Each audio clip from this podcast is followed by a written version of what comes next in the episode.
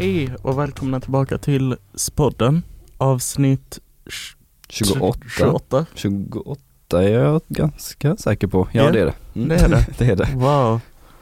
Och eh, idag kör vi rätt på. Och då sitter vi här med eh, Naturs biträdande rektor Maria Hedelin. Välkommen. Tack så mycket. Eh, Axel, ska du köra första frågan? Ja, vi kanske ska börja med att säga att eh, det kommer bli ett kortare avsnitt för det är önskemålet vi har fått. Ehm, och den första frågan är, hur länge har du jobbat på Spiken och har du alltid varit rektor när du har jobbat här? Eh, Jag började på Spyken 2005 och då började jag direkt som skolledare med ansvar för NA, så jag har varit det i evighets evigheter.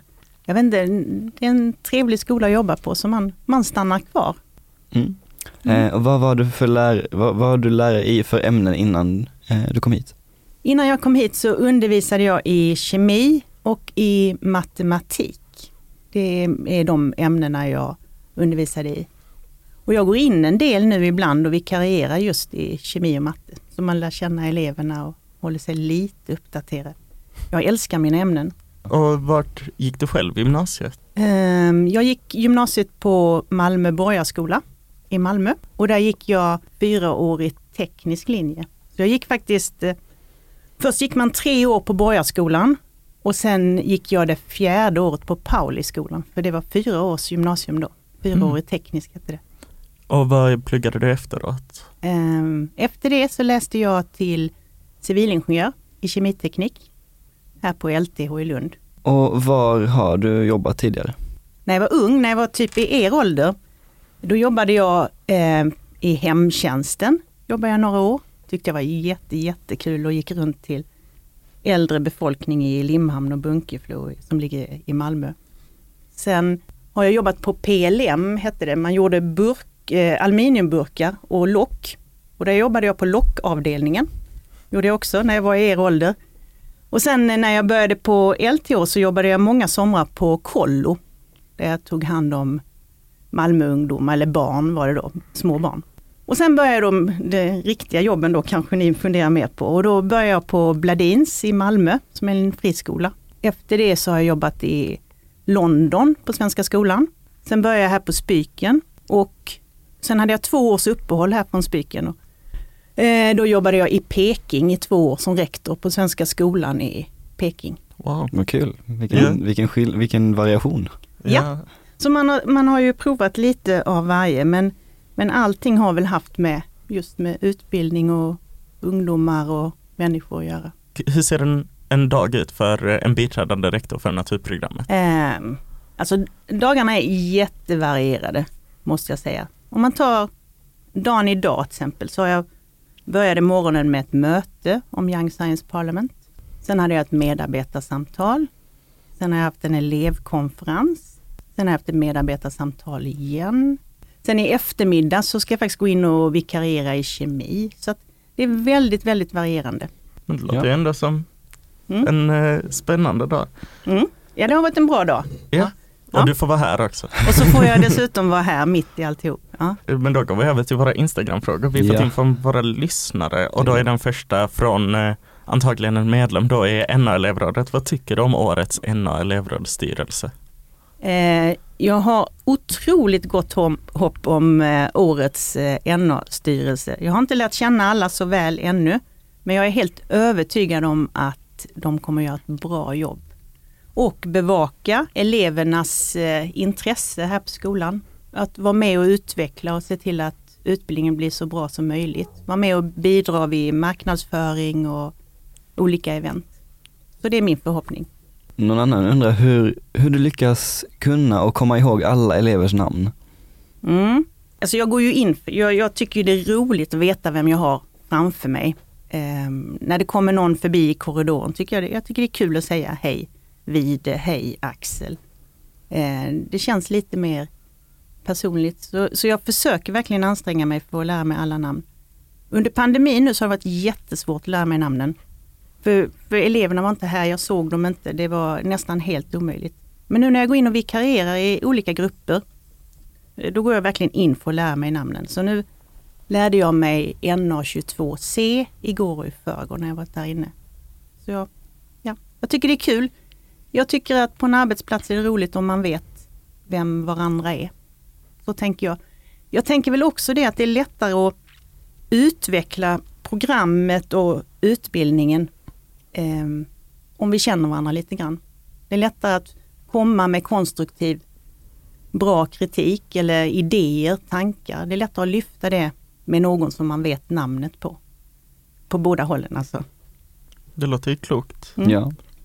Ehm, någon annan eh, undrar eh, vad, vad dina tankar är kring de här nya ettorna som har börjat i år? Mina tankar kring ettorna är att de är extremt eh, ambitiösa och duktiga ettorna. Det, det är de väl alltid men, men det känns verkligen, nu har vi ju gått från fem paralleller på NA till fyra. Så det var lite svårt att komma in i år på NA. Det gör ju att betygen har varit rätt så höga i år på NA-programmet för att komma in. Eh, det skapar ibland en stress och en press när, när elever börjar jämföra sig med varandra. Men när de väl har släppt det så kommer det här bli super, superbra. Eh, vad är ditt eh, favoritämne av de naturvetenskapliga ämnena? Ja, jag, jag- kan ju inte säga annat än att, att kemi gillar jag ju väldigt mycket. Men jag tycker det är jättekul med biologi och fysik också. Alltså jag gillar naturvetenskap överlag. Matematik också. Men sen, sen har jag ett jättestort intresse för samhällsfrågor och, och den biten också. Så det är inte så att man bara tycker om naturvetenskap och matte utan samhällsfrågor, samhällsengagemang, allt det tycker jag är superviktigt. Oavsett vilket program man går. Det är inte det som är det viktiga. Vår nästa fråga är om du fick säga vad som helst till dig själv för 20 år sedan, vad hade du sagt? Svår fråga.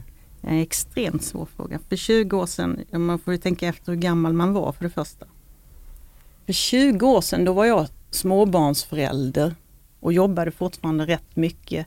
Eh, kanske hade jag sagt till mig själv nu att eh, ska du inte gå ner lite i tjänst nu ett eller två år för att ta vara på den här tiden. Det, det kanske jag hade sagt till mig själv. Eller kanske önskat att någon sa till mig. Mm. Mm. Ja, då går vi till den här som vi bara skrivit ner som överraskningsfråga. Ja, Och den är ju spännande. den är väldigt spännande. Det är en fråga jag då fått in anonymt på sms. Vanligtvis får vi in dem på Instagram här, men jag Mhm. läser den. eh, Mm. Frågan lyder. Du har ju jobbat som kemilärare. Föreställ dig att du har en elev som gör en laboration i organisk kemi. Hen har en reaktion på gång inne i ett dragskåp i ett 130 grader varmt oljebad. Plötsligt lossnar en slang och vattnet läcker ner i den heta oljan. Hur tycker du eleven ska reagera? A. Dra ner dragskåpsluckan och snabbt backa undan. B. Öppna dragskåpsluckan helt och sticka in huvudet över oljebadet och säga läraren, jag tror det kom vatten i mitt oljebad. Hälsningar från en som pluggat kemi med Maria och överlevde när hon valt B. Läraren kastade sig för övrigt fram och han drog ut Marias huvud ur dragskåpet innan det smällde. Ja, det här, den här incidenten eh, stämmer ju. Eh, nästan alla, alla, alla som läser kemi vet att det finns en regel som heter SIV. Syran i vattnet. Men av någon anledning så vände jag på det i all hast där och tänkte på vis, det vill säga vatten i syran.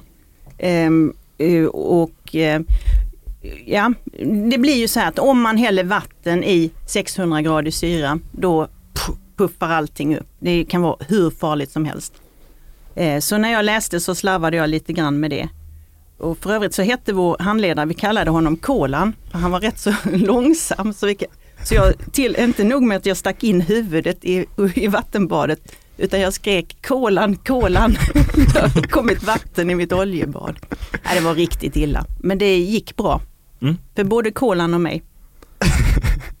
Det känns Så- som att vi grävde upp någonting där. Så du, du hade rådgivit att man kanske skulle göra alternativ A då, att man skulle? Absolut, ja. ja. Mm. Man ska inte sticka in huvudet i ett vattenbad där man har hällt vatten i kokande syra eller het syra. Nej. Då får vi lära oss av dina misstag här. Mm. Det har aldrig hänt sen efteråt, bara en gång. Ja, okej, Mm. vad bra. Ja. Vår nästa fråga är ju om du har någon favoritklass från alla de här åren på Spiken. Alltså alla klasser är, är, är speciella och, och, och ha sin karaktär. Men det finns en klass som, som, eh, som höll kontakten väldigt länge. Ni vet varje år i ettan så åker vi ju med klasserna till Ven varje år. Sen hade jag en klass som, som liksom hade sin återträff. Så var tredje år så kom de tillbaks till Ven och, och till och med började bo över där. Och nu, eh, det blev lite av en klass som jag haft kontakt med många år. Det var ju, men, men ja, jättetrevlig klass det också. Men det, det är sånt man minns liksom. Varför kommer de efteråt? Och de kommer med sina barnvagnar nu liksom. Så det, det är en klass jag minns extra mycket. Eh, någon undrar vad du tycker är det bästa stället här på skolan? Om jag ska ha riktigt lugn och ro och det är, är liksom sommar eller vår eller höst när det fortfarande är varmt. Så kan man gå upp i tornrummet, så kan man gå halva vägen upp, inte helt upp. Och ut där så finns det en stor uteplats med trädäck. Där tycker jag älskar jag att sitta och äta min lunch. För fortfarande så ser jag ut över hela skolgården och över, över skolan men ingen ser mig. Så där kan jag vara i helt lugn och ro. Jag kan sitta där och äta min lunch i lugn och ro. Ja, och njuta av vår fina skola. En eh, naturklass undrar hur man gör om man vill ha en övernattning på Spyken med sin klass. Det är svårt för vi har brandmyndigheter som säger att vi inte får lov att övernatta tror jag på skolan. Vi har, det finns klasser som har försökt. Um, så jag har inget riktigt bra förslag eller liksom lösning på det. Tälta kanske på innergården? Kanske tälta på innergården, precis. Ja. Eller på taket? Eller på taket. Det känns lite svårare. Ja, det är svårare. nej, nej den, den, den, är, den är faktiskt rätt svår. Men däremot det där med tälta, alltså vill man övernatta med sin klass, det är väl en jättebra idé att åka ut och tälta med sin klass i Skrylle istället, tänker jag. Det måste ju inte vara just på Spyken. Mm. Ja, så det är mitt tips. Det hade vi som, eh, som uppmaning i årets poängjakt för samhällena ja. och det var faktiskt några klasser som ja, åkte ut och, det, och tältade. Alltså, de här poängjakterna har varit jättetrevliga för ettorna att få ihop ettorna. Mm. Det tycker jag att ni har gjort superbra i elevråden. Då så tackar vi så jättemycket för att du ville vara med. Ja, mm. Tack så mycket. Det var det vi hade att bjuda på för den här veckan. Ett kort och koncist avsnitt med ja. en mycket älskad rektor på skolan. Tills nästa vecka så får ni väl ta och följa oss som vanligt på spodden.podcast på Instagram.